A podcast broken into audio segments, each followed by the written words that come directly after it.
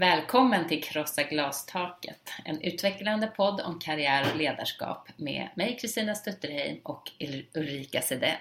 Vi är 9,6 miljoner svenskar, lika många kvinnor som män. Kvinnor står för hela 64 procent av alla högskoleexamina, men bara för 42 procent av det som är arbete. Det är bara 37 procent av alla chefer som är kvinnor. I Sverige är 25 procent av alla egenföretagare kvinnor. Bara 20% av alla professorer är kvinnor och bara 12% av alla VD-positioner innehas av kvinnor. Det ska vi förändra. Du ska inte känna skuld. Birgitta Olsson. Hej Ulrika! Hej Kristina! Dags för en, ett nytt avsnitt. Ja, ett väldigt spännande avsnitt av Absolut, verkligen.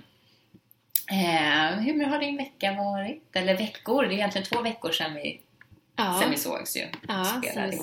Spelade in. Mm. Eh, jo, men jag är i, i slutskedet av boken Vägar till innanförskap som jag skriver med Eva von Wärstedt. Och det är ett förlag som heter Idealistas som eh, nu tillsammans med oss håller på och planerar för lansering första mm. veckan i maj. Så det har varit en hel del med det i mm. boken. Det känns Spännande. jättespännande. Ja. Vi håller på att ta in fotografier från deltagarna och vässar lite mm. kring det. Mm. Så det här är din andra bok nu? Ja. Mm. Du börjar bli en stor författare. Vet du, man får vara med i Författarförbundet efter två Är det sant? Ja. Wow! Så jag funderar på ett medlemskap kanske. Det är självklart. Jag tror de kommer höra av sig till dig. Du blir så här hedersmedlem. Kanske eh, inte. Ja, det tror jag. Det tror jag. Hur har din vecka varit Kristina? Eh, ja, men den har varit bra. Jag jobbar på. Försöker tänka lite vad vi... Försöker hitta en balans i, eh, i ledarskapet kring eh, det här med vad vi... Det interna och det externa. Mm behöver göra. Vi jobbar lite med att titta på våra funktioner, hur vi är organiserade och så. Och, så. Mm. och samtidigt så gäller det att hela tiden hålla blicken på vad är det vi ska åstadkomma mm. eh, och att det, här, att det här hänger ihop. Så jag är inne i jätteintressanta samtal med mina medarbetare och så om mm. det och mm. lite hur vi ser vägen framåt. Så här. Mm. Det är jättespännande. Mm. Sen har vi haft några ledningsgruppsdagar. Jag tycker ofta jag har haft sådana dagar när vi träffas. Men det har man ju. Och ett fokus vi hade en hel eftermiddag handlade om det jämlikhetsarbete som vi gör eh, på Riksteatern. Eh, Internt eller externt? Nej men det hänger ihop. Mm. Så en jämlikhetsstrategi och det handlar om mångfald mm. på, bakom och framför scen. Mm. mm. Eh, så det är ju liksom ur alla aspekter. Mm. Eh, och, ja, jätteintressant och man lär sig mm. eh, mer och mer. Den här eftermiddagen var väldigt mycket att vi samtalade själva vid ledningsgruppen medlemmar och utifrån våra olika verksamhetsområden. Vad står vi? Vad är vi? Vad ser vi? Mm. Eh, och så tillsammans med en eh, jättekompetent kollega Jaman som mm. jobbar med oss kring det här. Så att, mm. eh, ja. Vad spännande. Ja men verkligen. Det känns ju som att alla verksamheter skulle behöva jobba med den frågan mm. nu tänker jag med allt mm. vad som händer i världen. Och det är ju inte riktigt jämställdhet är det första som man tänker på när man öppnar tidningen på morgonen eller Nej, sätter på datorn med alla flasharna. Tvärtom, det är, mm. allt går i fel riktning mm. känns det som. Mycket i alla fall. Men vilken, precis, för det som är så himla härligt i dessa svåra, mm. utmanande tider är ju ändå all motståndskraft, mm. allt engagemang mm. i marscher som mm. sker, i saker som sker i sociala medier, mm. civilkurage mm. hos folk som står upp. Eh, mm. klart vi har ögonen extra just nu på USA och så. Mm. Det är ju fantastiskt häftigt att mm. se. Någon som vi lite extra vill eh, hylla är en av de många som ju faktiskt visar civilkurage men eh, en som har blivit verkligen eh, på näthinnan för oss alla är den här Sally Yates. Ja, verkligen. US Attorney General. Mm. Som, som, fick gå. Äh, ja, som fick gå äh, när hon äh, stod upp att hon inte skulle följa, eller man inte skulle följa det här inreseförbudet. Mm. och då fick hon snabbt besked från Vita huset att mm. hon fick lämna sin post mm. efter 27 år. Mm. Mm. Men nu var det ju idag eh, lördag eh, på nyheten om en ytterligare en, en federal domare som hade i Seattle, Seattle. Mm. som eh, hade sett till att överpröva Mm. beslutet från Vita huset. Ja, det är, nej, men det är mycket som, det är mycket energi just nu i, kring alla de här frågorna Mm. tycker jag man Mm. ser från olika håll i världen. Mm. Som naturligtvis påverkar oss i Sverige också. Verkligen. Där kan vi ju fira ett annat litet framsteg uppe Mm. onekligen. Det var Guldbaggegalan, det var Mm. förra veckan, för förra veckan kanske. Där eh, ett historiskt skeende. Mm. Den första kvinnliga fotografen Mm. som fick då Guldbagge för bästa foto. Mm. Ita eh, Sebrionic. Jag Mm. hoppas jag uttalade det rätt. Mm. Eh, Grattis! verkligen, stort grattis! Underbart! Ja, Jag har inte hunnit se filmen ännu, Nej. jag ska göra det. inte jag heller. Jag insåg när jag såg Guldbaggegalan att jag inte hade faktiskt, ja, förutom en, jag hade sett väldigt få svenska filmer eh, förra året. Så att, eh, ta ett uppsamlingshit någon helg. Mm. verkar finnas mycket spännande. Vad har vi för fokus idag då? Mm, jag tänkte innan vi ska gå över Mm. på dagens fokus så har vi fått en liten feedback Just det! Eh, ifrån förra avsnittet som vi kallade för motstrategier där vi tittade på idrotten och det är faktiskt Riksidrottsförbundet och SISU som har hört av sig som eh, vill tacka för att vi har tagit upp eh, just idrotten. Därför att precis som vi påtalade förra avsnittet så är ju det en enorm folkrörelse i Sverige och enormt många som utövar ledarskap Mm. inom idrottsrörelsen. Eh, och de vill, förutom att tacka att vi belyser den här frågan, så vill de också berätta att det är väldigt många eh, i specialidrottsförbund som nu eh, fokuserar på jämställdhetsfrågan framåt. Eh, och att den ligger också på högsta dagordningen för högsta ledningen i svensk idrott. Eh, och att man till våren kommer att behandla två, några viktiga beslut gällande jämställdhet på Riksidrottsmötet. Mm. Eh, så att det här är någonting som man eh, verkligen tycker är viktigt och centralt eh, inom idrotten och kommer att jobba ännu mer med. Mm. Eh, så att jag tänker helt enkelt att vi går tillbaka tids nog och, och tittar på vad det blev av detta. Mm, Verkligen. Jätteroligt! Tack så Mm. mycket för feedbacken och lite klargörande i Ja. deras framtida eh, diskussioner kring Mm. frågan. Jättebra. Mm. Fokus idag. Mm. Mm, vi har ju tänkt att vi ska prata lite om både mod Mm. och sårbarhet. Ja. För de hänger ju ihop. Mm. Ja, kan man ju verkligen lugnt säga Mm. att, att, eh, att det är när man vågar vara modig är oftast då som man är som mest sårbar. Att det, hänger- det är det som är mod. Mm. Om det inte är, är man inte sårbar eller känner av att det är otäckt eller läskigt så är det inte så modigt. Nej, det är sant. Mm. Det står i fokus för den, den gäst vi kommer möta om ett litet tag. Mm. Eh, men också en person som vi vill prata lite extra om innan dess förstås. Så mod och sårbarhet eh, och det här med att vara i sin kompetens, Mm. vara där man kan blomma. Sin drivkraft. Ja, Mm. Eh, så. Men det finns ju en person som har varit extra i, i eh, vad heter det, vad ska vi säga, i blickfånget, i ropet. Eh, en person som vi alltid tycker är i ropet. Eh, en viktig person och förebild på många sätt. Ja. Men lite extra denna vecka. En Ja. bok som har kommit ut. Vem pratar jag om? Ja, vi pratar Birgitta Olsson. Ja. Såklart. Ja. Som vi citerade initialt. Hon har ju eh, lanserat sin bok eh, Duktiga flickors revansch. Just det.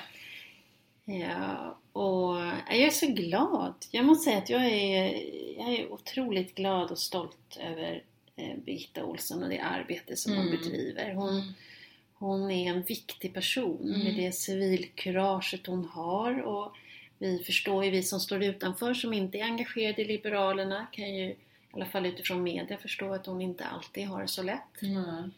Och att det var inte så länge sedan som att det var eh, riktigt tumult Mm. och maktkamp. Mm.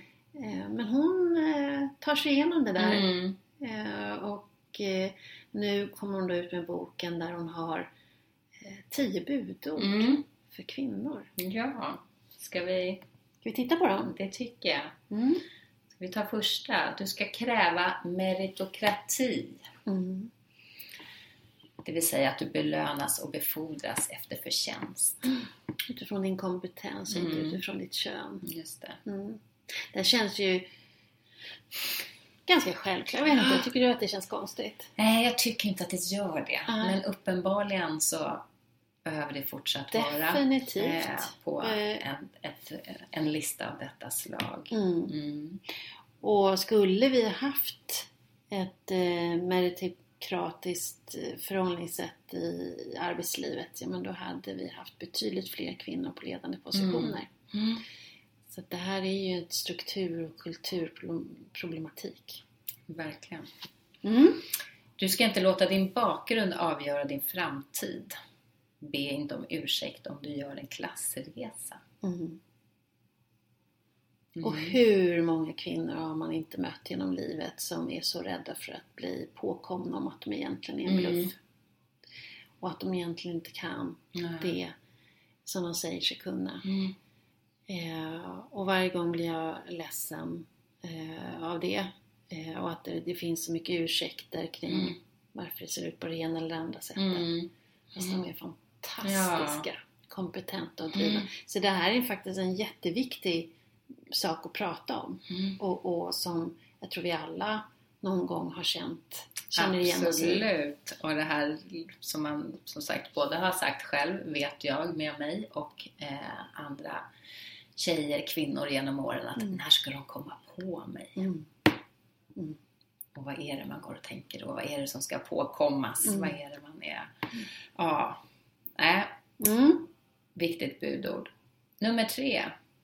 Du ska inte körla kararna. Undvik att sopa rent för män som vill komma fram och städa inte undan deras misstag. Mm. Och det här sker ju nästan matematik. Ja. Eh, vi hade ju den frågan uppe förra gången om hur det är att vara ensam kvinna, Mm. ung kvinna. Mm. Eh, och när man blir kallad för snygga tjejen Mm. och, och Mm. när man eh, ja, blir ett, ett, ett kön helt Mm. enkelt. Mm. Eh, och får därmed också oftast rollen som den som skriver protokollen Mm. och hämtar Mm. bullarna och ser till att och, eh, bana väg. Mm. Jag minns själv en gång för jätte, jättelänge sedan hur eh, min chef, det här var i, i oh, många år sedan, men jag kommer så väl ihåg det, eh, där min chef skulle göra ett stort framträdande för både kunder och intressenter och, och högsta ledning kring våra nya strategier eh, i eh, företaget. Och eh, han gör det och han får fantastisk respons och genomtänkt och eh, tydlighet i det var ju bara det att det var ju jag som hade gjort hela presentationen och det var ju mina tankar bakom. Men inte en enda gång tänkte jag att jag kanske borde säga det någonstans Nej. eller det kanske hade varit rimligt om mitt namn hade Mm. nämnts i något sammanhang. Utan jag satt snyggt och prydligt Ja. nere på stolen och applåderade jag också. Ja. Och inte en tanke. Nej. Eh, så att det sker matematik och det där behöver vi hjälpas åt. Mm. Och, och, Mm. framförallt yngre tjejer, att hjälpa dem att se hur Mm. lätt det är att bara halka in i det där. Mm. Och när man är på väg att säga nej men jag kan göra det. Mm. Så Mm. säg det inte. Nej. Eh, ja, det vi inledde med, du ska inte känna skuld. Mm. Ingen kan upprätthålla perfektion på alla plan. Nej. Och det var ju det vi pratade om härskartekniker Mm. också förra Mm. gången. Att vad man än gör så, så är man alltid misslyckad Just någonstans. Mm. Och att eh, det väl Louise Sander som sa i något Precis. av våra avsnitt att vara lite, Lite slarvig. Precis. Mm, nej, vi håller med. Mm. Du ska avslöja småpåvarna. Låt inga grötmyndiga och dumdryga män sätta sig på dig. Den älskar jag. Mm. Jag tycker den är rolig. Den är väldigt rolig. Eh, Man har ju stött på någon liten småpåve ja, du hörde, jag blev nästan tyst. Eh, man har ju det, kan man ju säga. Eh, verkligen. Träffade några för ett tag sedan som pratade om gubbröran eh, Mm. där de var just nu. Eh, det har man gjort. Eh, Jag eh, var inte så himla länge sedan, det var kanske ett halvår sedan som jag höll en dragning för en ledningsgrupp om genus. Där en man eh, viskar i mitt öra om det är så att jag bara premierar dem med ett visst, och så var det ett könsord på det. Nej, Mm. herregud. Mhm.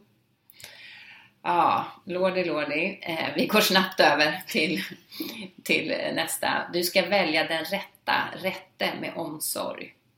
Alla män är inte små påvar. Nej, det finns underbara män. Det gör det verkligen. Och oavsett vem den rätta eller rätte är, eh, men det har vi också pratat om tidigare. Eh, det tror jag också Louise var den som pratade om, va? Att välja, att välja partner. Mm, mm. Eh, Verkligen.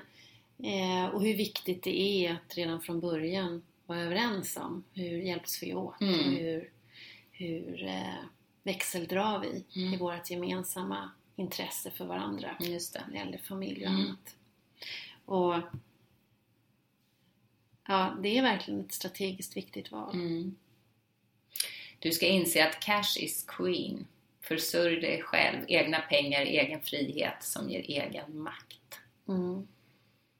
Och, och där skulle jag ju hoppas att det inte blir så i framtiden. För det är klart att det är så. Att, att frihet, att egna medel är, är frihet, självklart. Men och vi kommer ju från en historia när männen har ägt och väldigt Mm. mycket äger ju männen Mm. tillgångar och pengar. Eh, till skillnad mot kvinnan och det blir en frihet för kvinnan att ha egna medel. Självklart, inget snack om det. Men det här med att växeldra och Mm. turas om och Mm. hjälpas åt och dela med sig och turas om och allt det där. I det konceptet skulle man ju önska att det inte är viktigt Nej. vem som drar in störst medel eller utan man delar på det Mm. som är. Just det. Och Så länge precis som man- du säger, det växer att det kan se olika ut. Och Över tid. På det stora Mm. hela. Så. Ja. Du ska säga ja till makt. I yrkeskarriären är det viktigt att fånga möjligheterna när de dyker upp. Mm. Ja, och det har vi pratat om tidigare också, att det här med makt ju eh, som lätt blir ett, eh, ett negativt ord. Mm. Men att, att, att ha makt och nyttja den på ett, ett bra sätt handlar ju om att kunna förändra och utveckla och göra, vara med och bidra till det, den förändring man vill se, om det är en organisation eller i politik eller vad det kan vara. Det var väl Lena Olving som Mm. hade uppe det i en av våra poddar Mm. kring hur, hur hon verkligen uppskattade makt. Och att makt, det är ju det som är mandatet. Mm. Men med makt kommer också ansvar. Just det. Mm. Precis. Du ska vara snäll, men inte dumsnäll. Var generös mot andra, men undvik att bli utnyttjad. Mm. Den är central. Mm. Verkligen. Man får en besk smak i munnen när man kommer på efteråt att man faktiskt blev utnyttjad. Ja. Mm. Tionde avslutande. Fina. Du ska följa din inre kanariefågel. Du är som fåglarna som sjöng i de brittiska gruvorna. Utan syre kommer både du och din sång att dö. Se till att vara på en plats där, det är din, där din duktighet uppskattas och premieras. Mm. Det är så vackert. Utan syre kommer du och din sång. Ja. Och så är det verkligen. ja. Mm. Tack Birgitta Ja, för det. De vill vi sprida på alla möjliga sätt. verkligen. Och att du reclaimar det här med att vara duktig flicka. Mm. Eh, för hon, boken heter ju Duktig flickas, åt den duktiga flickans Revansch. revansch. Precis. Eh, och det är härligt att höra henne prata om, om det. Hon Mm. har varit med i många intervjuer och höra henne sätta ord på det. Eh, verkligen. Eh, men vi läste ju en artikel också som vi tyckte var lite intressant om Mm. Birgitta Olsson. Mm. I Dagens Nyheter. Ja, Vem var det som skrev den? Eh, tror att det var Eva Stenberg. Heter hon det? Jag ska kolla upp så att jag Mm. säger helt rätt. Mm. Eh, och det var en intressant artikel. Utgångspunkten var ju att Birgitta Olsson inte kommer bli partiledare. Mm. Eh, och du och jag hade diskussion om det också, vad läser vi in i den där artikeln? Eh, Mm. och Men varför skulle hon inte bli partiledare? Precis, eh, för det, liksom, artikeln blandar av att, att säga de här goda sakerna om Birgitta, om vad hon står för och att hon driver och så. Civilkuraget och Precis, modet och ja. uthålligheten. Och... men att en partiledare måste kunna ena. Eh, och här skrev journalisten att eh, det gör ju inte Birgitta Olsson i och med att hon polariserar. Och det tycker inte vi, det håller inte vi med. Nej, jag håller verkligen inte med om det. Jag tror att det är ett gammalt sätt att se på ledarskap. Där med att samla sin grupp och, och förvalta. Mm. Eh, Jag tror att det är precis Birgitta Olsson som ska bli Mm. partiordförande. Någon som står upp Och som eh, visar vägen Mm. framåt och som Mm. vågar stå för eh, det blir så genuint, stå för sina värderingar, Mm. stå för det hon tror på. Mm. Och då samlar hon ju dem som står för det också. Mm. De vill ju bli följare då. Mm. Och råkar det nu vara några som tycker att det här är väldigt usel idé som Mm. Birgitta Olsson har. Ja, Mm. nej, då kanske de ska vara någon annanstans. Just det. Och att det är någonstans det som är ledarskap, Mm. tänker jag. Mm. Men den är så intressant den här artikeln för, ja vad säger man där? Det dunkelt sagda är det dunkelt tänkta. För när man läser den igen så känner man just eh, att jag känner igen det från den där artikeln vi pratade om för länge sedan som var om eh, eh, Pia Sundhage. Mhm. Också det här med att åh vad duktig hon har varit och så. Mm. Men nu måste hon eh, avgå, nu är det dags för någon annan. Mm. De också så här, men det fanns inget i artikeln som sa varför var det? Ja, Utan det var som, räcker det nu? Och här blir det lite samma att jo, allt det här är jättebra. Fast det går ju inte. Nej, Eh, kan inte tro att du ska kunna bli partiledare nej, nej. eh, om du är på det här Mm. sättet? Mm. Eva hette hon. Vi tror Ja, att du jag ska- fel. Kolla eh, ordentligt så att jag har sagt rätt. Men Mm. det var en artikel i veckan nu i alla fall. Eh, precis. Ehm, mm, Men nu ska vi till intervjun. det ska vi. Ja, Vi ska träffa Marie Sell. ja. Och Marcel är en spännande person. Hon är idag högsta chef, kansli, kanslichef på fackförbundet ST som organiserar statligt anställda. Mm. Men hon har en eh, gedigen erfarenhet bakom sig. Hon har både varit borgarrådssekreterare i Stadshuset, hon har varit dep- departementssekreterare på Utbildningsdepartementet.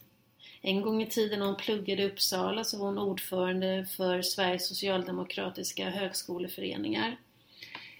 Eh, Hon, är, hon har också varit på Lärarförbundet eh, där hon var chef för utbildningspolitiska avdelningen. Ja, Och vi ska möta henne för att höra om hennes väg framåt och idéer kring hur man ska runda glastak. Mm.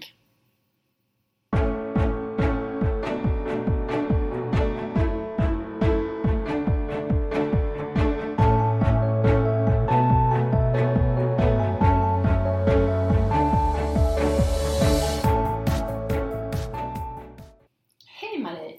Hej Kristina och Ulrika! Hej. Välkommen till Tack. Krossa glastaket! Så himla kul att ha dig här. Tänkte börja med att fråga, vad är det mest lustfyllda beslut du har tagit den senaste tiden? Mm. Jag tror faktiskt att det var för några veckor sedan. Eh, Jag var med om en liten övning när vi skulle fundera i lugn och ro vad vi skulle vilja göra för förändring under 2017. Mm. Eh, Och helt plötsligt så kom det till mig gå en teaterkurs. Mm. Så att, eh, ja, tänkte jag den där inre rösten har väl en poäng. Så att eh, nu kommer jag anmäla mig till en teaterkurs, improvisationsteater. Nej, vad roligt! Underbart! Ja, Gud vad häftigt! Då kanske vi får se dig hos Riksteatern snart. absolut. Ja. Ja. det tänkte jag ju inte på Kristina. Nej, men precis. Jag kan ju göra Ja. det direkt Nej, alltså, precis. köksbordet. Ja men fantastiskt! Ja, jag kommer att applådera. Ja, Jaha, det är jättebra. Ja, två Verkligen. stycken i publiken. Ja. Det här är... Jag har faktiskt gått improvisationsteater för länge sedan. Det var fantastiskt roligt. Läskigt Aha. men roligt och givande. Så vilket härligt beslut! Mm. Ja, det tyckte jag Ja. verkligen var lustfyllt för att eh, livet handlar väldigt mycket om rutiner och arbete och prestera. Mm. Men att, och det här att satsa på sig själv, ja då går man någon utbildning eller någon kurs genom jobbet. Eh, och den ska ju bara naturligtvis också ge resultat och leda till Mm. någonting. Men det här var verkligen någonting som eh, jag känner kan vara en del av min inre utveckling. Mm. Så det, känns, det kändes som ett lustfyllt beslut, Ja. definitivt. Vad härligt. också är yttre utveckling faktiskt. Det tror jag Jag faktiskt ser det kommer. applåderna framför Ja, mig. ja, men precis, ja. Vi kanske ska ta ett steg i Ja. Jag börjar med Ja, kursen så att men vi ser fram emot att följa det här. Ja. Verkligen. Kul. Och vad, vad månne komma utav. Mm. Eh, du kan väl berätta lite om dig själv Marie? Eh, ja, förutom att jag eh, jobbar som kanslichef på fackförbundet ST så är jag en, kan man säga, det tänkte jag på häromdagen, jag är en person som gärna, jag gillar ytterligheter. Å ena, å ena sidan behöver jag rutiner och struktur som vilken normal människa som helst men i andra ändan så vill jag också att det ska hända saker. Eh, Jag gillar utmaningar och även om det ibland är som att hoppa bungee jump utan snöre så är det så att jag måste ändå testa. Jag är väldigt nyfiken, jag gillar både djupa samtal och ha roligt. Det här låter nästan som en kontaktannons, eller hur? verkligen. Ja, men podd kan fylla många Ja, funktioner här. Så att, precis. eh, Eh, Men framförallt det här då att eh, på fritiden så utövar jag både yoga och thaiboxning och jag tror att det Mm. säger någonting om Mm. mig att eh, det där lagom, det har inte riktigt tilltalat Nej. mig. Så att som person är jag nog både envis, jag har också en inre styrka som jag har väldigt, väldigt mycket nytta av i, i jobbet naturligtvis. Men jag tror också att jag innerst inne är en ganska känslig själ. Alltså det är hela tiden det här, jag vet inte om det är yin och yang eller vad sjutton Mm. man säger. Det är nog väldigt mycket jag som person. Och sen att jag, jag eh, vågar. Jag Mm. vågar. Jag tror att jag någonstans, jag är skiträdd och modig samtidigt. Mm. Jag vet inte om det räcker som en beskrivning av Mm. mig, men det är lite granna Jättespännande. Mm. Och jag tänker du har ju rört dig på flera olika spelplaner i ditt arbetsliv. Kan du säga någonting om, om idag är du högsta chef på fackförbundet ST. Men Mm. där har du inte varit i hela ditt liv. Nej, dessförinnan så, så var jag på Lärarförbundet och avdelningschef och jag kommer ihåg när jag fick det här jobbet att jag var livrädd. Eh, för att jag insåg, jag läste en annons i tidningen och där såg det ut som man sökte en avdelningschef till en liten enhet som skulle skriva ett utbildningspolitiskt program och det här var ju mitt första riktiga chefsjobb. Så jag tänkte, ja men det kan jag söka för jag har liksom fokus på att skriva utbildningspolitiskt program. Och med min politiska bakgrund så lät ju, men det är ju liksom piece of cake. Mm. Sen hade jag liksom kanske bortsett eller förträngt att det kanske handlade om ett ganska stort personalansvar för en personalgrupp som var mycket äldre än jag dessutom. Och jobbat i hundra år. Så att eh, precis innan jag bestämde mig så tänkte jag så här. Eh, jag hade träffat personalen också de verkade så otroligt barska och seriösa och allvarliga och tittade på mig. Jag kände mig liksom lite genomskådad. Det här klarar jag aldrig. Eh, och så drömde jag mardrömmar på natten och sen när jag vaknade på morgonen tänkte jag ah, jag kommer ångra mig hela livet om jag inte tar det här. Så då tog jag det, apropå mod och den här liksom envisheten. Nej. Mm. Eh, det var precis samma sak när jag började på universitetet mycket senare än alla andra och tyckte att det var jätteläskigt. Mm. Och tänkte det måste vara större idioter än jag som har klarat det här. Det har hjälpt mig många gånger just att tänka så. Mm. Eh, Så att jobbet på Lärarförbundet var i början den utmaningen men det var också oerhört roligt att få vara med i en förändringsprocess som vi faktiskt eh, startade. Vi var en del nya som kom ungefär samtidigt. Eh, Och sen efter det så eh, jag hade varit där ganska många år så bestämde jag mig för att eh, jag behöver ha större utmaningar helt enkelt. Eh, och det var samma sak där. Jag fick då, eh, eh, hamnade i, ni vet det här med tester och anställningsintervjuer och hela alltihopa. Och jag hamnade faktiskt i ett sånt lyckligt skede så att jag kunde välja mellan några olika jobb. Mm. Eh, och att jag bestämde mig för fackförbundet ST, det var helt enkelt att jag såg att det var den, den, den största utmaningen. Mm. Eh, och då kan man ju alltid tänka att när man har ett sånt guldläge så kanske man ska välja någonting som är enklare. Men det är inte riktigt min grej. Eh, så att eh, jag började där 2011 Och det har hänt mycket sedan dess. Väldigt tunga, jobbiga saker. Vi har jobbat med hela infrastrukturen. Eh, jag är inte en människa som man sätter egentligen i fastighetsaktiebolag och jobbar med fönsterfogar och eh, brädfodringar och hela millevitten. Men ibland hamnar man i de situationerna så får man ta sig an det. Mm. Asbestsaneringar, byte av IT-system, ombyggnad av ett helt hus och så vidare och så vidare. Um, jag brukar då dela in när man går in i en organisation och ska utveckla den så, så behöver man se, finns basen? Och basen är väldigt mycket infrastrukturen och hur vi jobbar. Och när man är klar med de delarna, då måste liksom ligga, det måste vara en bra arbetsmiljö. Då kan man ju börja jobba med det som jag personligen tycker är roligt och utmanande. Och det är själva utvecklingsarbetet. Mm. Jag tror inte man gör förändringar genom att rita nya rutor i en organisation. Det blir väldigt introvert. Mm. Utan det handlar om att jobba med varandra, att vi är varandras arbetsmiljö. Ska vi bli effektiva och visa resultat så måste vi jobba väldigt mycket med, med eh, hur vi är mot varandra, vilka värderingar vi har. Och utifrån det så tror jag att man kan uträtta stordåd. Mm. Så att jag vill jobba väldigt mycket med det inre för att ge bra resultat. För att mm. på jobbet så är man ju inte bara för att man tycker det är tjolahoppsan jättemysigt. Eh, men känner man sig trygg på jobbet då, då kan man uträtta väldigt mycket. Mm, mm. När, du när, du, när du beskriver att du hoppar på Lärarförbundet och, och att du drömmer mardrömmar på natten det är läskigt men du känner ändå att du vill göra det. Du står sedan några år senare eh, och har flera jobb att välja på men du väljer det som känns som den största utmaningen och roligast också såklart. Eh, och tar det. Eh, det här med att du, för du har ju också, du har varit i Stadshuset och, och du har rört dig mellan olika världar. Det här när du slänger ut på det här sättet som du beskriver.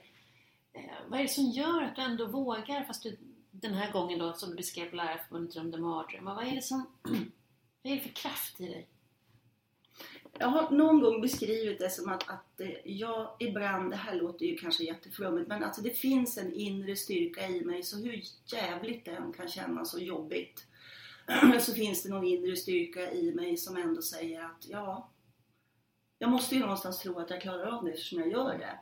Eh, fast jag samtidigt är livrädd, fast jag samtidigt ibland undrar, är det värt priset när det har varit som tyngst? Mm.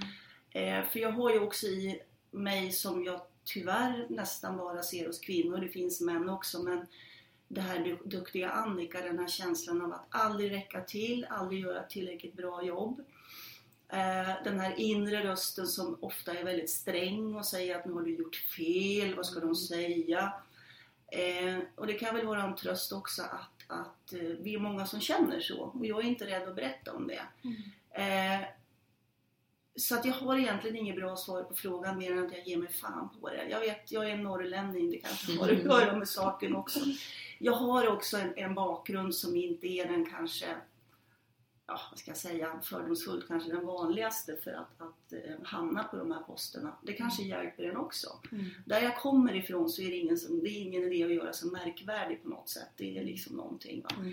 Det kan ju vara både på gott och ont. Mm. Men... Mm. Lite jante kanske? Oh ja, Jante, absolut. Mm. Ska mm. inte tro att du är något. Mm. Absolut, det finns djupt. Mm. Eh, men det kan också vara en styrka för att på det sättet så tror jag också att jag blir mer lyhörd mot eh, människor i omgivningen oavsett eh, ja, vilken position, befattning man än har så tycker jag att jag skiter fullständigt om du är städare eller om du är ombudsman eller om du är chef. Utan det viktiga är vad du som människa är beredd att ge vad du har att tillföra. Mm. Så att bara för att man har en hög position så behöver man inte vara eh, prestera ett bättre resultat eller på något sätt bete sig bättre än någon annan. Och när du säger att eh, det här med känslan av att inte räcka till och, och vad ska alla andra tycka som du säger att du har mer sett hos kvinnor än hos män. I de här, apropå kvinnor och män och spelplan och så, i din resa, i din karriär, i de världar du har varit, eh, har du, hur ser din spaning ut på glastak? Har du sett några? Har du stött på några glastak? Oh ja, väldigt många gånger. Och eh, det finns ett tillfälle som, som etsar sig väldigt djupt i mig och det var på ett jobb jag var där eh, jag upptäckte att en av männen i ledningsgruppen, en äldre man, behandlade mig fruktansvärt illa.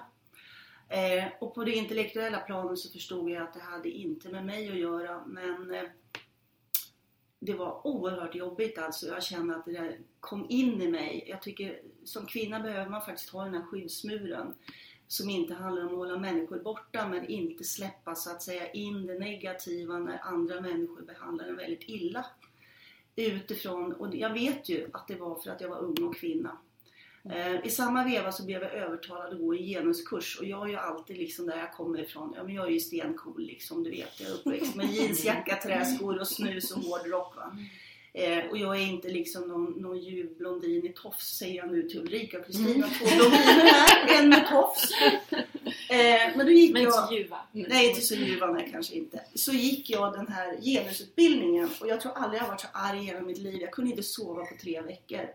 För helt plötsligt så fick jag ord på det jag var med om. Och kunde verkligen göra en struktur av det och förstod att jaha, det är det här som är härskartekniker. Så jag kan säga att allt jag hade varit med om under väldigt kort eh, tid fick jag då namn på. Eh, så jag brukar säga till alla kvinnor jag, jag träffar, om du inte tror att det finns något glastak, för det trodde jag kanske inte innan dess. Eh, jag trodde också att det var upp till kvinnan själv hur man betedde sig. Eh, och är man liksom lite tuff och sådär så, så kommer man aldrig råka ut för det där. Men när jag råkade ut för det där väldigt intensivt under en period och gick genuskursen och var så förbannad. Då eh, bestämde jag mig efteråt att eh, vad som än händer så ska jag alltid ha det där i bakhuvudet när jag hamnar i sådana situationer. Och det har jag gjort en mängd gånger som kvinna. Jag vet en gång i Stadshuset också som barn. eh, jag var då, kan man säga, chef för den roten.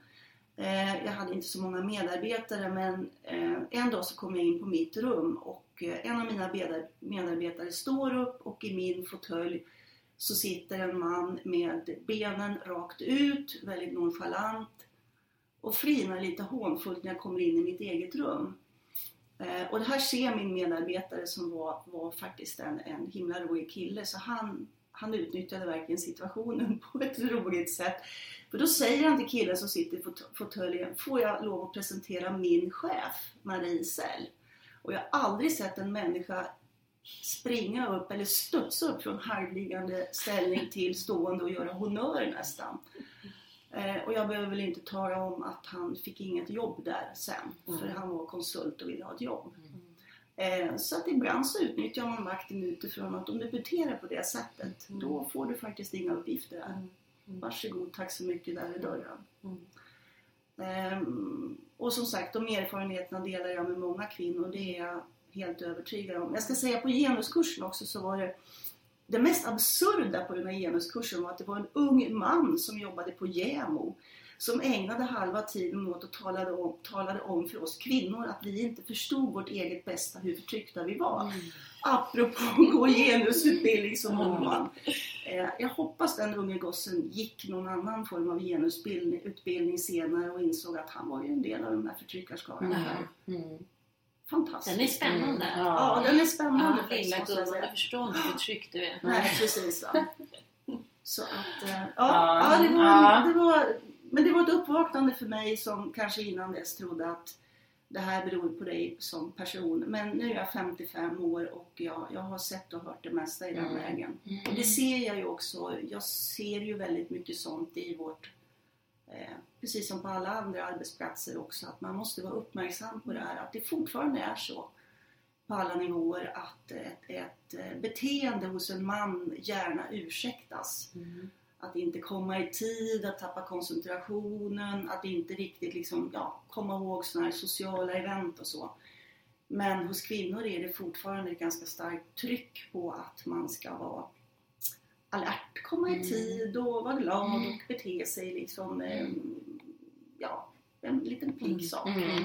Ehm, Eller som chef det här att det, det förväntas av mig och det där kan jag själv ha svårt med. Jag är en väldigt social människa och tycker väl själv, om jag får säga det själv, att jag är ganska trevlig. Kanske inte alla håller med.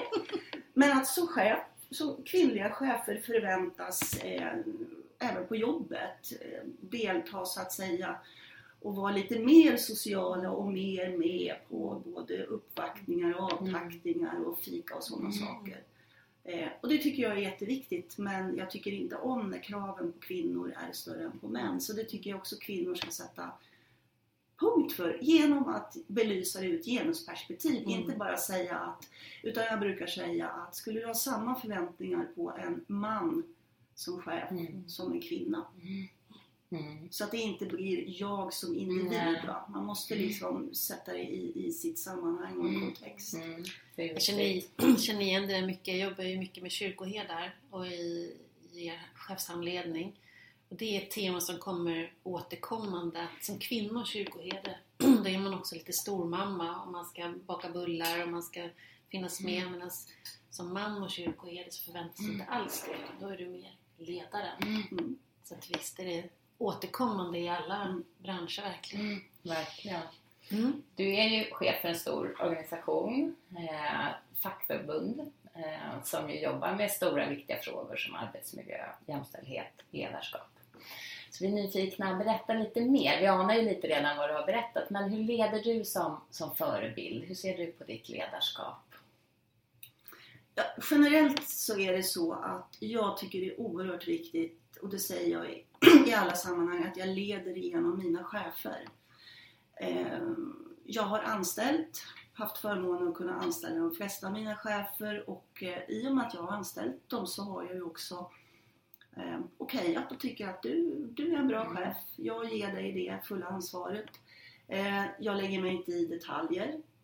Eh, vilket gör också att eh, man måste kunna alltså bygga tilliten utifrån att om någonting inte fungerar i din enhet så är det dig jag pratar med. Jag går inte runt och det är ingen idé att komma till mig direkt och gå förbi chefen. Och det är just för att skapa lugnet och tryggheten i att vi inte har flera olika kanaler eller att vi, vi där är jag väldigt formell faktiskt. Eh, och jag tycker det är viktigt för att just i en sån här organisation så eh, har vi ju både förtroendevalda och anställda och då brukar jag prata om rollfördelningen. Det är viktigt med rollfördelningen, vilka som är, vilka som är valda. Vi lever i en demokrati, de är valda av en kongress och vilka som, som är anställda. Sen jobbar vi mot samma mål, absolut, men det här tycker jag är oerhört viktigt. Eh, nu tror jag att du får upprepa mm. din fråga där. Ja, men hur du, jag tänker just det här med tanke på att vi pratar om jämställdhet och genusperspektivet. Så mm. Hur ser man det i ditt ledarskap? Du berättade om ett tillfälle där du, där mm. du påpekade saker och ting. Precis, och synliggör. Men hur, hur märker man mer att du, du har gått den här genuskursen? Du har reflekterat och du har sett och du tar plats i de här frågorna. Hur märker man det i ditt ledarskap, i det dagliga? Alltså, jag tror att för mig är det nog svårt att, att svara på det utifrån att eh, till exempel i vår ledningsgrupp så är majoriteten är kvinnor, mm. ledningsgruppen. Eh, vi jobbar väldigt mycket med vårt ledarskap. Eh, och ska jag vara självkritisk så lyfter vi nog inte så tydligt upp genusperspektivet utan jag tror det är mera hur vi överhuvudtaget leder och hur vi pratar mm. om de frågorna. Så det är mera det här att, att försöka uppmärksamma i det dagliga arbetet om vi har problem som beror på genus, om mm. man uttrycker sig mm. så. Men annars en majoritet är kvinnor. Ibland kan ju också männen tycka, de, de som är i minoritet, att eh, eh det kan vara problematiskt att det är en majoritet mm. kvinnor. Mm. Så att vi kan ju ha det omvända mm. perspektivet. Och, just för att, och för mig är det viktigt, alltså balansen, för det här handlar ju om att för, för mig är liksom genusfrågorna det att vi ska behandla varandra som individer och personer och inte utifrån kön. Det är ju den mest mm. grundläggande. Men sen finns det ju andra vi har ju HBTQ-aspekten också naturligtvis mm. som, är, som, som är aktuell. Eh, så att det är inte bara kvinnor och män utan det kan ju vara andra saker också. Det, mm. det jag tycker då är viktigt och som jag uppmärksammar och även då informellt och i, i styrelsearbete och annat är ju då att eh, vi måste vara uppmärksamma på den sammansättning som vi har. Mm. Eh, och att det finns tyvärr fortfarande en manlig vit norm som slår igenom. Mm.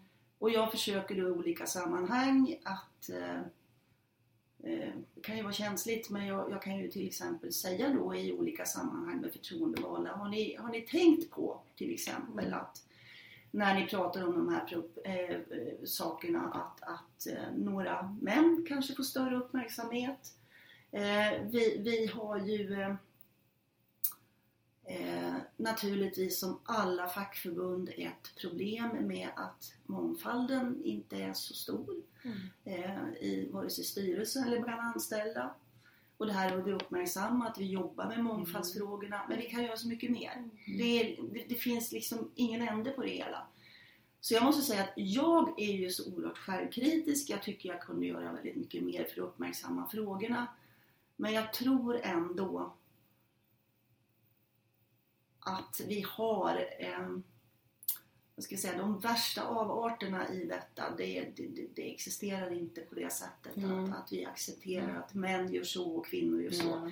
Det är väldigt främmande för oss tror Mm. jag.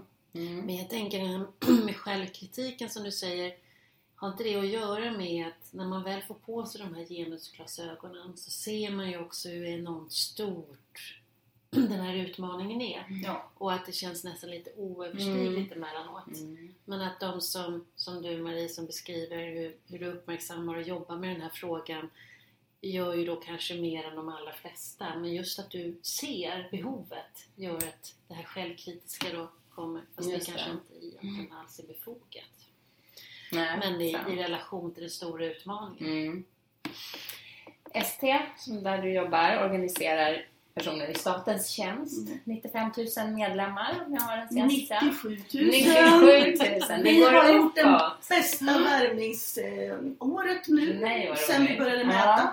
Ja, men Det är grattis! Ja. Ja, eller hur? Ja, Hurra! Ja, vad jag har firat med tårta. Vi Ja. är så jäkla nöjda. Det är Ja. så himla kul. Vad kul! Ja. Härligt! Tack. Men hur ser det ut med jämställdheten då i statens tjänst? Eh, det går inte att svara generellt på det Mm. med tanke på att vi organiserar ju medlemmar hela skalan så att säga från järnvägsinfrastrukturområdet. Eh, vi har bolag eh, på den sidan och då, de finns hur många som helst ända upp till, då, eller upp ska jag inte säga för det är inte någon hierarki så men eh, regeringskansliet, domstolarna, arbetsförmedling, Försäkringskassan, universitets och högskoleområdet. Det ser väldigt Mm. olika ut. Vi går tillbaka till dig. Mm. Eh, och, och din, eh, faktiskt, jag tycker den är väldigt spännande din resa och din karriär som du har gjort. Eh, vad skulle du vilja, om du tittar tillbaka, vilka har de varit de riktiga framgångsfaktorerna att du har med din drivkraft nått dit där du har nått? Fram till nu. Ja. Vi var ju inne på det lite grann förut så det kan ju kanske bli en upprepning. Men alltså för mig har det ju varit om man ser rent faktiskt då så är det två faktorer. Med tanke på att jag har en bakgrund med inga, inga så att säga akademiker i släkten. Inte så många som ens har gått gymnasiet. Så, så för mig har det varit väldigt viktigt och det är en uppmaning till alla, skaffa er en utbildning. Det är Mm. oerhört viktigt. Eh, och väldigt tidigt så visste jag att jag skulle, efter gymnasiet så skulle jag gå universitetet. Jag tror att jag var väldigt ung när jag hade skaffat mig en livsplan. Den tog i och för sig slut vid universitetet för det tyckte jag var stort nog med tanke på Jag satt på en sten där i skogen och blickade ut och tänkte en dag ska jag lämna byn. Om någon från byn hör det här nu så det är inget fel på byn jag, vill, jag ville se lite mer. Eh, och skaffa sig en utbildning så hade jag turen för att jag hade då, som det ofta var tror jag då på, på landet framförallt, ja det är viktigt att du går universitetet. Och då sa jag att, ja, för jag visste ju ingenting, jag har hört att man kan läsa någonting som heter statskunskap och gå, gå, gå samhällsvetarlinjen och då sa min studievägledare, det där är inget bra, det får man inte jobb på. Du ska gå förvaltningslinjen. Okej, jag visste ju inte så mycket mer så jag började förvaltningslinjen och så hade jag en kompis Eh, som hade börjat på samhällsvetarlinjen. Och eh, första terminen läste vi gemensamt med samhällsvetarna.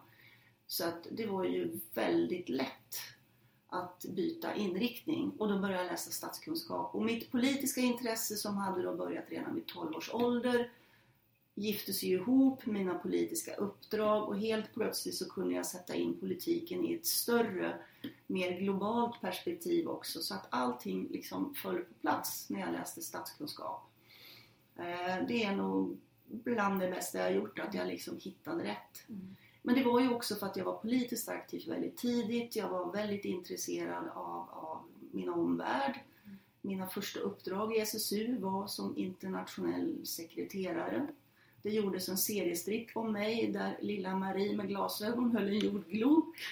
Det var en jättekul seriestripp. Och tyck synd om, tyck synd om stod det som, som pratbubbla. För jag var så empatisk, jag skulle rädda hela världen. Tapetserade mitt rum. På ena väggen var det gamla snusdosor och sen var det resten. Va? Jag skulle rädda Nicaragua och Chile och alltihopa. Hela världen skulle jag rädda. Så wow, vilken, livs vilken livsplan! Ja men absolut! There's no limits. Mm. Uh, men i varje fall uh, universitetsutbildningen och sen också att jag redan från början hade ett politiskt intresse. Mm. Och det, det är liksom, ja. Det var någonting som, och jag vet mm. inte riktigt var jag fick det ifrån. För det mm. fanns inga, inga inga förebilder på det sättet. Jag hade två farbröder som jag förstod sen var riktigt eh, hardcore kommunister men det märkte man aldrig heller. um, men ja. universitet, skaffa en utbildning, ja, den är central. Det är det viktigaste. Och det som, om jag tolkar dig rätt, och en annan framgångsfaktor har varit ditt, ditt engagemang. Eh, att du har, för dig blev det ett politiskt intresse och mm. engagemang men att också vara sitt engagemang, att låta det vara en del av ens resa framåt. Jag tror det är viktigt också, för egentligen så spelar det ingen roll. Jag brukar, som jag höll en föreläsning för min dotter och hennes kompisar vid någon valrörelse här. Långt flammande tal och när min dotter avslutade, nu mår mamma väldigt bra förstår ni när hon får hålla tal för er. Mm. Där jag dundrade fram att ni kan rösta på vad fasen ni vill, se till att ha ett samhällsintresse, rösta på, nu är det ganska många år sedan, men utom Kristdemokraterna sa jag då. Mm. Det var det enda de inte fick. För Sverigedemokraterna fanns inte ens på kartan då tror jag. Så det var ändå lite reglerat där? Ja, det var det ja. Vi lever i en demokrati, vi har åsikter, men inte Kristdemokraterna. Och jag kan lägga till Sverigedemokraterna. Eh, för jag tror att vad man än gör och vilken en drivs, ens drivkraft än gör, är så behöver man också eh, vidga vyerna. Och nu säger ju inte jag bara det för jag tycker att det är självklart att man måste bry sig om vad som händer i ens omvärld. Utan jag tror också man känner att, att ens inre driv behöver lite knuff och lite mm. liksom, riktning så är det jättebra. Och man kan engagera sig i vad 17 som helst. Jag satt i bostadsrättsföreningen också. Det var ju tungt för då blev det fastighetsfrågor igen. Mm. Det där förföljer mig genom livet. Du söker ju dit på något märkligt sätt. Ja, ja, det där är jättemärkligt. Men jag tror det här också att, att det handlar inte bara om dig och ditt. Du lever i ett sammanhang, du lever i ett kollektiv vare sig du vill eller inte. Om du inte ska åka till en öde ö och leva på dagmask. Men de flesta finns i ett sammanhang och då behöver man också, tror jag, boosta sitt inre driv med ett yttre driv. Det var lite tjusigt mm, faktiskt. Det var väldigt tjusigt. Mm, ja. De flesta vi har, har pratat med har pratat om vikten av det här med att nätverka och hålla ett, ett aktivt eh, nätverk igång. Hur har, hur har du jobbat med det? Eller jobbar med det? Ja, det är också någonting som jag tycker är, är, är himla kul. Det, det, är lite grann som mitt eget lilla projekt vid sidan om alltihopa. Att eh, sen jag själv var adept och hade en mentor eh, och då var det ju mer organiserat och kostade pengar så insåg jag att men herregud, de flesta människor tycker det är skitkul att få det förtroendet och den boosten att vill du ställa upp som mentor. Så därför har jag nu satt ihop, jag vet inte hur många människor, adepter och mentorer och det funkar jättebra. Mm. Jag gjorde det med, med eh, några cheferna på jobbet också. Vi, hade liksom, vi har inte den budgeten så jag sa att nu fixar jag några ur mitt privata nätverk. Och sen så gick de där ett år och sen så såg jag vilken enorm utveckling det var för mina chefer och hur smickrade och glada mentorerna som också lärde sig en hel del var. Eh, det gör ju också att jag har träffat det ena ger det andra mm. så att jag träffar väldigt mycket människor som jag kanske inte annars skulle träffa också. Mm. Men precis som jag sa inledningsvis så är jag egentligen ganska ointresserad av, eller tänker så här att ja, jag borde känna eller träffa den människan och mingla för att den är viktig för min mm. karriär. Det tycker jag är ganska Det är klart, jag måste göra det till och jobbet. Men det som verkligen ger mig någonting i min utveckling, det är att träffa oväntade människor som eh, inte alls finns på de här befattningarna eller något, på något sätt. Eh, en av mina bästa kompisar, hon jobbar som köksbiträde. En av de mest intelligenta människor jag känner. Och eh, hon ger mig jättemycket i och med att hon, hon eh, ja, både intelligent och, och väldigt rolig till exempel. Eh, jag har eh, en av mina gamla personliga tränare är nu som han sa, vi måste fortsätta träffas. Så nu har jag lite grann antagit rollen som mentor för honom. Mm. För han har startat ett hälsoföretag. Heja Arman! Mm. eh, och det gör ju då att, att mitt nätverk består då av eh, allt ifrån då Arman PT som är 26 år tror jag att Arman är nu. Upp till min granne eh, som är nog 80 som brukar berätta om, om eh, ganska mycket roliga saker som jag inte ska berätta mm. här. Eh, och, och, att ha människor i sitt nätverk som kommer från olika samhällsklasser, olika etnisk bakgrund och så vidare och så vidare. Det gör ju att för mig blir ingenting självklart. För mig finns det inte bara en sanning. Mm. Eh, jag brukar säga på jobbet också att jag är pragmatisk och en av cheferna blev jätteirriterad på mig för ett tag sedan. Så, du säger alltid att du är pragmatisk. Ja, men det är just också för, för att jag har lärt mig efter mina 55 år på jorden att ingenting är svartvitt. Mm. Och jag har också lärt mig att eh, jag tror att de flesta människor kliver upp varje morgon och tänker att det här ska bli en bra dag. Jag ska inte jävlas, jag ska inte medvetet såra eller göra någon annan illa. Eh, vilket gör också att när man ska jobba tillsammans till exempel eller umgås så måste man också eh, försöka förstå varför du agerar utifrån ditt perspektiv. Mm. Eh, på jobbet finns det alltid en gräns för det. Jag brukar säga att vi, vi är liksom ingen social inrättning naturligtvis men det är därför som jag sa inledningsvis också, det är väldigt viktigt tycker jag att förstå utifrån eh, din kontext och din infallsvinkel. Och eh, ja, det, mm. det blir lite lättare då. Mm. Vilket häftigt nätverk mm. du har på det sättet. Ja, det är faktiskt mm. väldigt roligt tycker jag. Otroligt coolt. Sista, vi ska avrunda. Eh, vi har varit in, du har ju bara öst ur tips och, mm. och idéer eh, kring vad som har gynnat dig och, och, vad som är viktigt att tänka på som utbildning och så. Men jag vill ändå fråga, finns det något ytterligare karriärstips som du vill dela med dig av efter din resa till de som lyssnar som står inför en chefskarriär till exempel? Ja, om ni orkat lyssna så här länge så har jag faktiskt ett, ett väldigt krasst råd som det tog mig många år att upptäcka. Var dig själv. Var dig själv. Jag vet från början med tanke på min bakgrund att jag försökte spela någon roll. Mm. Eh, och det var skitsvårt. Eh, jag försökte bete mig på ett visst sätt, jag försökte prata på ett visst sätt och jag försökte agera på ett visst sätt. Och det enda som händer då det är att man själv mår väldigt dåligt av det och att omgivningen undrar vad fan håller du på med? Mm. Eh, så att alltid det där att, att lita på sig själv, att, att förstå att du är den du är och det är helt okej, okay, du är fantastisk som du är. Och sen försöka lista ut vad är det som jag är jäkligt bra på och försöka jobba med det. Mm. Inte bara hysteriskt tänka att jag kan bli bättre och bättre och bättre på alla punkter. Och sen inte tro, det brukar jag alltid säga, det är så skönt att jobba med människor där jag vet att du kan din del och du kan din del och jag kan min del. Och tillsammans blir vi skitbra ihop. Mm. Men jag ska inte försöka liksom hysteriskt bli som du eller någon annan utan jag måste vila i det här är mina styrkor. Mm.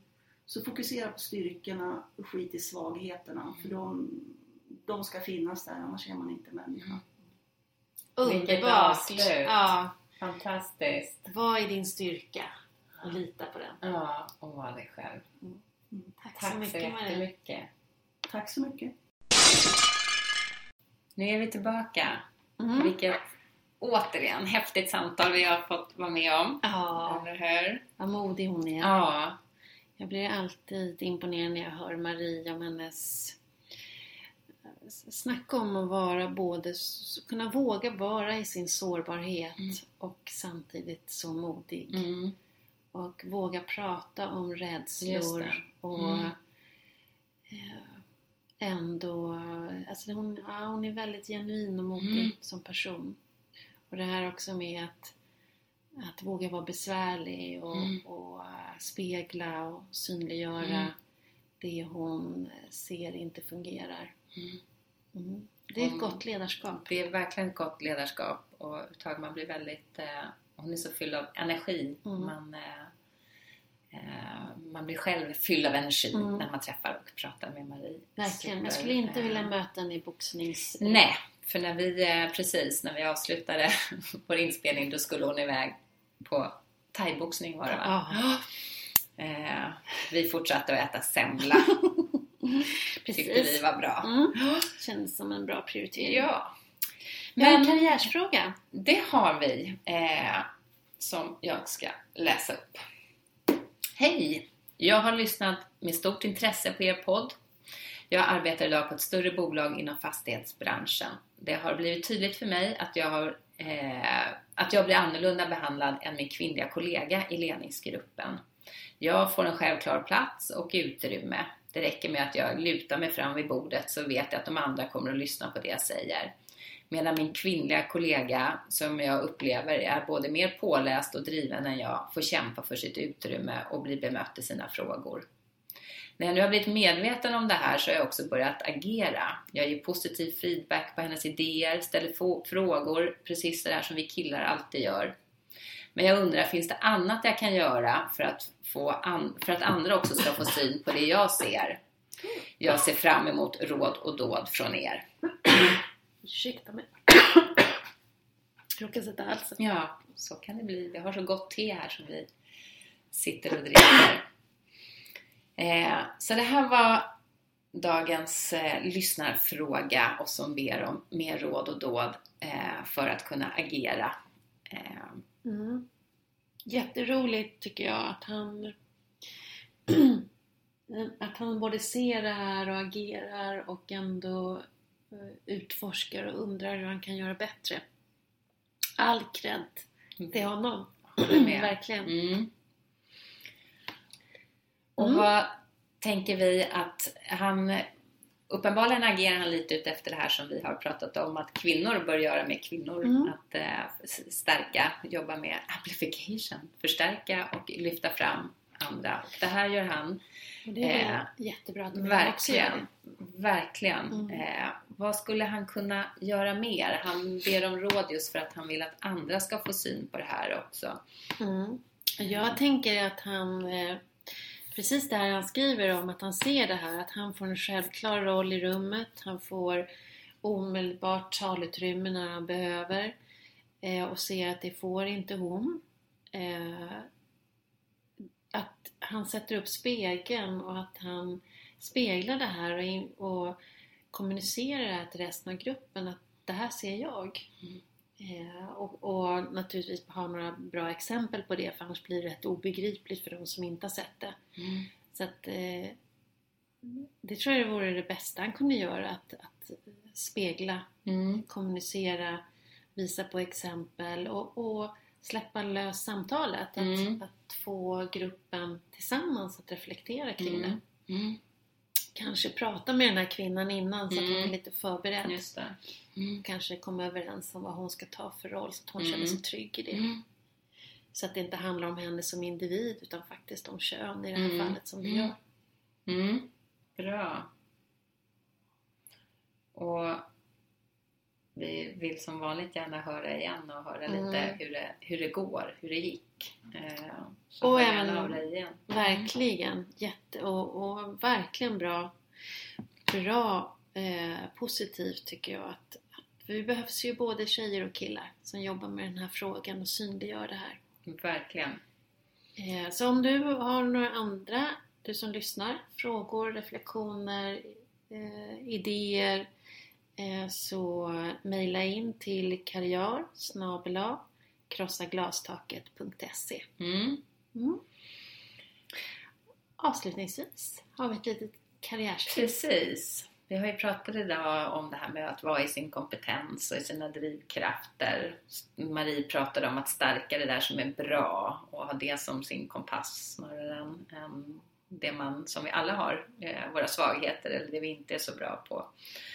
Eh, vad skulle man kunna göra då för att, och, det är lättare sagt än gjort kanske bara säga det. Så vad kan man konkret göra Man för kan att få syn på det här? ja, jag tänker man kan göra jättemycket men, men en, en liten kort övning som man kan sätta sig ner med eh, och fundera över det är ju nummer ett. Vad får dig att glömma tid och rum? När är du i ditt flow? Vad gör du då för någonting? Eh, och, och ge dig tid att reflektera kring det. Att vad, när känns det så här otroligt häftigt och roligt och, och eh, härligt? Och nummer två då, vad behöver du för att komma dit? Till det här tillståndet, till det här flowet när det känns så här att det bara rullar på. Det bara, nu bara öser det fram. Eh, är det en speciell kontext du behöver eller är det kanske specifika frågor som engagerar just dig? Eh, vi hörde ju Marie, hon var ju politiskt engagerad. Det var där hon hittade sin drivkraft. Mm. Men det kan ju vara precis vad som Mm. helst. Eh, vad är det du behöver i din omgivning för att komma i det där flowet? Och nummer tre, det sista. Vad är det du har åstadkommit när du har varit i det här flowet? Vad, Mm. vad kan du se att du faktiskt, vad har det lett till Mm. för resultat? För det här är ju egentligen grunden sen för din pitch. Mm. Eh, för att tänka kring vad är det du ska vara någonstans och vad är det Mm. du levererar Mm. eh, när du är i ditt esse, Just det. i din drivkraft Mm. eller engagemang. Mm. Härligt. Måste jag förstås fråga. Mm. När glömmer du tid och rum? när är du i ditt ultimata flow? Ja, jag tror att jag har förhållningsvis lätt att hitta dit. Mm. Jag kan hamna där när jag skriver. Mm. Jag älskar att skriva. Jag kan hamna där när jag dansar. Mm. Jag tycker väldigt mycket om att dansa. Jag kan vara där när man hamnar i en grupp där eh, idéerna bara flödar, det Mm. ena ger det andra. Och då är det oftast grupper, när jag hamnar i de där tillstånden så är det oftast grupper med människor som kan helt andra saker än vad jag kan och som där jag själv känner att jag blir eh, mina idéer blir större idéer Mm. i det eh, sällskapet. Mm. Så att jag kommer längre än vad jag kommer själv. Mm. Och det är ju bland det Mm. roligaste jag vet. Mm. Då, då försvinner ju all tid för att hitta några. Ja. Du då Kristina? Ja, men det är lite copy and paste. Jag, jag känner också det. Jag, jag kan tänka mig en massa. Jag tycker också att jag har lätt att komma i, eh, i flow och Mm. vara en massa härliga. Men det jag spontant tänkte på liknar din, din eh, sista del. Det här när man är tillsammans med flera andra. Kanske med några medarbetare och vi utgår från någon idé kring någonting. Mm. Och sen så bygger vi på det och en del grejer blir helt galna och så vidare. Men vi är i något kreativt flow som Mm. utmynnar i oftast i någonting och ibland har det bara varit otroligt härligt under gång och Mm. även det blir någon typ av resultat Mm. eller vad man ska säga. Så det där kreativa flow tillsammans med andra, Mm. eh, då glömmer man tid och rum och det är skratt och eh, ja, galna idéer. Mm. Men som sagt också något som, som det blir något av. Mm. Nej, det är superhärligt. Ja, det är, det är Mm. också någon viss kemi liksom Mm. i, i rummet. Ja. Eller förstås när vi poddar. Absolut, Då självklart. blir vi i flow och glömmer tid och rum. var ett fint sätt att säga, gud vad vi pratar mycket. Så Vi kanske ska avrunda. Ja, vi kanske ska avrunda. Vi kan hålla på hur länge som helst. Så vi tackar för idag helt enkelt och eh, på återhörande. Mm. Hej då. Hej då!